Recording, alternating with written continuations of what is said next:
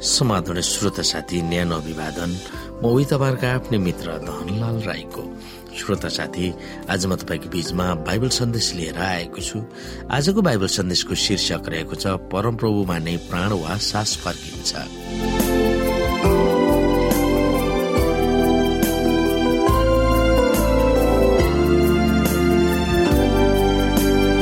श्रोत साथी उत्पत्ति दुई अध्यायको सात र उपदेशक बाह्र अध्यायको एकदेखि सातमा दिएका पदहरू एक आपसमा बाजिएको हामी देख्छौँ।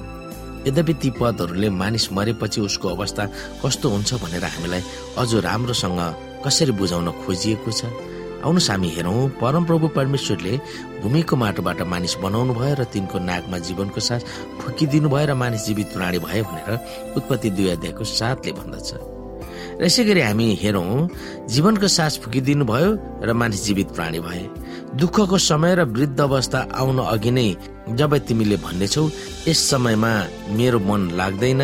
ती समयभन्दा अघि नै आफ्नो युवा अवस्थामा आफ्ना सृष्टिकर्ताको सम्झना गर। सूर्य र दिनको उज्यालोलाई अध्यारोले ढाक्न अघि नै चन्द्रमा र ताराहरू धमिला हुन बादलहरू वर्षापछि फर्कन अघि नै जब घरको हेरचाह गर्नेहरू कामदछन् र बलिया मानिसहरू झुक्छन् जब जाँतो पित्ने स्त्रीहरू कम भएकोले आफ्नो काम बन्द गर्छन् र झ्यालबाट हेर्नेहरूका आँखा धमिला हुन्छन् जब गल्लीतिर जाने ढोकाहरू बन्द हुन्छन् र जाँतोको आवाज कम हुँदै जान्छ जब चराको चिरबिरे आवाजमा मानिसहरू उठ्छन् तर तिनीहरूका सबै गीत मधुरा हुन्छन्।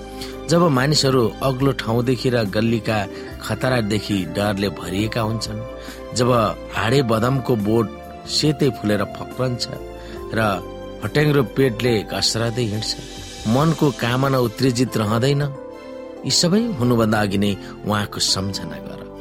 जब मानिस आफ्नो अनन्तको घरमा जानेछ र मलामीहरू गल्लीमा यताउता लाग्नेछ जाँदीको तार चुडिन अघि र सुनको कचौरा फुटाइन अघि माटोको गाग्री पदेरमा टुक्रा टुक्रा पारिन अघि र कुवामा पाङ्रो हचाइन अघि जमिनबाट आएको धुलो जमिनमै फर्कन अघि तथा आत्मा दिनुहुने परमेश्वर कहाँ आत्मा जान अघि उहाँको नै सम्झना गर। उपदेशक बाह्र अध्यायको एकदेखि सात।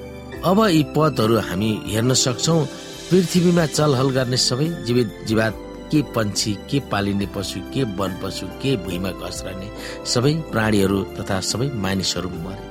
उभानो भूमिमा भएका सास हुने सबै प्राणी मरे। उत्पत्ति सात अध्यायको एक्काइस र बाइस। मानव जाति जीवित प्राणी वा आत्मा हो भनेर उत्पत्ति दुईको साथमा हामीले हेर्यौं। जब मानिस मर्छ तब त्यो आत्मा वा प्राणको अस्तित्व रहँदैन। तर कतिपयले सिकाएका आत्मा हंस चेतना वा प्राण के हुन्छ त? के मानिसको शरीर मरेपछि पनि त्यो बाँचिरहँदै र वा कुनै न कुनै अंश वा चेतनाको रूपमा तैरिएर बस्दैन वा अरू कुनै पुनर्जन्म धारण गर्दैन र धेरै इसाहरूले उपदेशक बाह्र अध्यायको साथको कथनलाई उतारेर मानिस मर्ने बित्तिकै उसको अंश स्वर्ग वा नरकमा जान्छ भनेर सिकाउँदछन् र विश्वास पनि गर्छन्। त्यसमा लेखिएको छ जमिनबाट आएको धुलो जमिनमै फर्कन अघि तथा आत्मा दिनुहुने परमेश्वरका आत्मा जान अघि उहाँको नै सम्झना गर। तर परमप्रभुको सामु मरेको मानिसका आत्मा वा प्राण चेतनशील वा सचेतमै रहन्छ भनेर त्यस पदले दिएको आवाज हामी पाउँदैनौँ। उपदेशक बाह्र अध्यायको एकदेखि सातमा वृद्ध अवस्थाको प्रक्रियालाई बडो नाटकीय पाराले प्रस्तुत गर्दछ। बुढो हुँदै मर्दछ भन्ने लेखकको राय छ। मृत्यु भनेको उत्पत्ति दुई अध्यायको सात अनुसार सृष्टिको विपरीत दिशामा जानु हो। उपदेशक बाह्र अध्यायको साथले पनि यही कुरालाई सम्बोधन गर्दछ। सृष्टिको छैटौं दिनमा यो उल्लेख गरिएको छ। परमप्रभु परमेश्वरले भूमिको माटोबाट मानिस बनाउनु भयो र तिनको नाकमा जीवनको सास फुकिदिनु भयो र मानिस जीवित प्राणी भए। अब उपदेशक बाह्र अध्यायको साथले हामीलाई बताउँदछ जमिनबाट आएको धुलो जमिनमै फर्कन्छ र आत्मा दिनुहुने परमेश्वरका आत्मा जान्छ। त्यसकारण आदमको नाकमा फुकिदिनु भएको जीवनको सास परमप्रभुमा फर्किन्छ भन्नुको अर्थ मानिसमा त्यो सासको प्रवाह रोकिन्छ भन्न खोजेको हामीले बुझ्नु पर्दछ। उपदेशक बाह्र अध्यायको साथमा सबै मानिसहरूको मर्ने प्रक्रियालाई लेखिएको छ।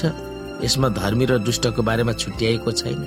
यदि मानिसले सिकाएको अनुसार आत्मा वा चेतना परमप्रभुको सामु हुन्छ भने के दुष्ट मानिस पनि उहाँको सामु रहिरहन्छ त? यो धारणा बाइबलले सिकाएको समुच्च धारणासँग मिल्दैन।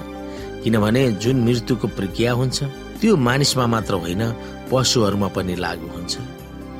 यसकारण हामी यो ठोकुवा गरेर भन्न सक्छौ कि मृत्युमा सबै जीवित प्राणीहरू जीवित हुँदैन।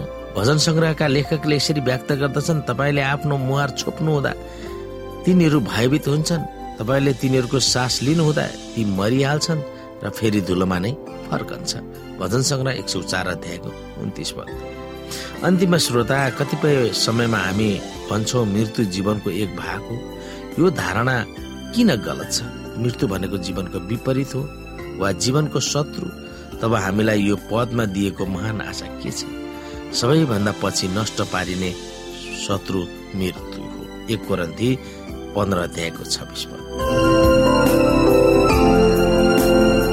श्रोत साथी आजको लागि बाइबल सन्देश यति नै। हस्त नमस्ते जय मसिंह।